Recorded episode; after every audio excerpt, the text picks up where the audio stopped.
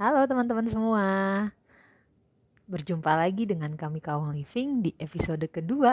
Wow, tidak menyangka ya ada episode duanya.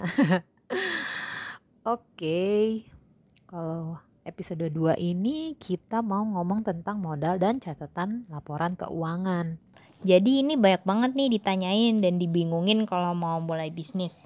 Modalnya berapa sih? Dari mana sih? Harus kayak raya banget dulu nggak kalau mau mulai bisnis? Hmm, sebenarnya sih yang namanya modal kan pasti bergantung ya sama usaha apa yang kamu pilih.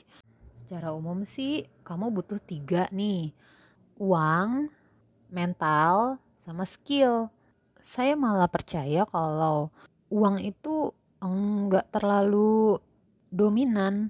Kalau kamu punya skill dan punya mental yang kuat, kamu bahkan bisa loh mulai usaha dari nol rupiah.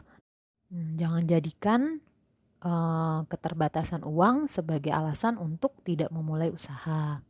Nah, tapi yang sering ditanyain kan berapa nih kapitalnya, berapa nih modal rupiahnya. Nah, kalau prinsip kita di Kong Living sampai sekarang sih masih sama ya sama kayak judul podcast ini.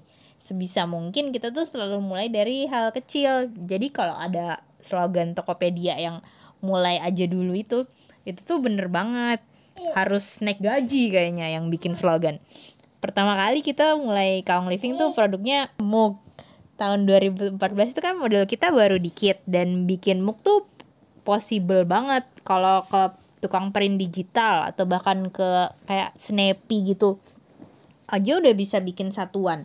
Harganya kalau nggak salah tuh cuman 20 25 ribuan lah. Dan harga pasarannya untuk mug bergambar gitu 40 sampai 50 ribu. Ya udah waktu itu kita print masing-masing satu desain. Terus kita foto-fotoin. Nah karena tukang printernya deket rumah kalau ada yang mau beli baru deh kita bikin ke tukang. Abis itu baru kita bikin bantal batik. Stoknya pun nggak banyak. Satu motif tuh paling kita beli kain cuman 1 sampai 2 meter. Satu meter bisa jadi 4 sampai 5 piece lah. Kalau kejual habis baru beli lagi beli lagi gitu terus sampai duitnya kegulung dan bisa bikin produk lain. Bisa mulai produksi lebih banyak terus ya gitu gitulah kalau dihitung modalnya sendiri ya awalnya tuh nggak banyak lah ya. Mungkin sekitar berapa ya ja? 500 ribu ada kali ya brand Cotton Ink sendiri tahu dong ya Cotton Ink dia tuh sama loh modalnya dulu cuman 500 ribu awalnya tuh dia mulainya cuma kayak sablon kaos-kaos gambarnya Obama gitu habis itu mulai deh bikin shawl bikin dress terus lain-lainnya. Sekarang Cotton Ink ya siapa gitu ya nggak tahu ya Bany punya banyak toko di mall brandnya tuh ya sebenarnya modalnya tuh nggak harus banyak dulu kok menurut kita.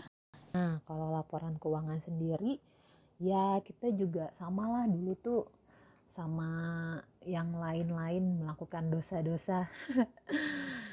Kan kita tahu nih kalau mau bikin usaha udah diwanti-wanti. Pisahkan keuangan sendiri dan keuangan usaha. Ya kita juga udah tahu. Kan pas awal masih bandel ya masih ngerasanya tuh ya modalnya kan kecil nih ya udah deh. Udah deh tambahin dulu pakai uang sendiri terus lupa deh dicatat. Nah terus udah gitu ke bawah ke bawah ke bawah muter muter muter. Terus kita bingung e, mana yang modal mana yang uang kita ya. Untungnya sih cepet tobat ya setelah satu setengah tahun. Lama ya. Ya udah kayaknya nggak bisa gini deh. Ya udah kita kayaknya harus benar-benar saklek misahin rekening pribadi sama rekening bisnis. Kita punya satu rekening khusus yang dipakai sampai sekarang. Alhamdulillahnya sih untuk catatan kita udah agak rapih. Ya walaupun agak rapih ya. Tapi uh, lumayan kalau mau untuk cek-cek HPP, untuk cek modal atau untuk tahu penjualan sih ada semua catatannya. Mungkin bikin laporan keuangan tuh bikin males ya karena kan angka semua jelimet gitu. Tapi laporan keuangan tuh penting banget. Karena dia bisa uh, jadi pegangan kita untuk buat keputusan bisnis. Isinya laporan keuangan itu kan angka. Jadi nggak bisa bohong. Bukan feeling bukan perasaan-perasaan. Kalau kamu ngerasa penjualan kamu banyak di situ tertulis berapa sih penjualannya? Banyaknya berapa?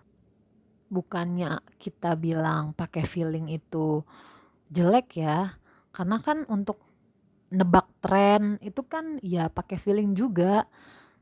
Cuman uh, baiknya feeling itu dibarengi dengan laporan keuangan atau dengan catatan keuangan kamu sehingga keputusan yang kamu ambil tuh bisa lebih logis, bisa dipertanggungjawabkan.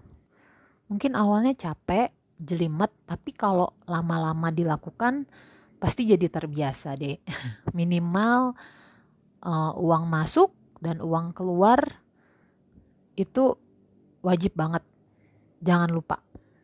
Catatannya nggak usah canggih-canggih, kalau kamu lebih suka pakai buku pakai buku maunya pakai komputer pakai komputer mau pakai Excel pakai Excel atau mau beli program yang otomatis gitu yang penting harus punya catatan. Kita nih karena sama-sama lulusan teknik dan gak ada background bisnis sama sekali jadi kayaknya belajarnya tuh banyak learning by doing sih ya. Lama-lama makin tahu celahnya di mana salahnya apa bagusnya ke depannya diapain.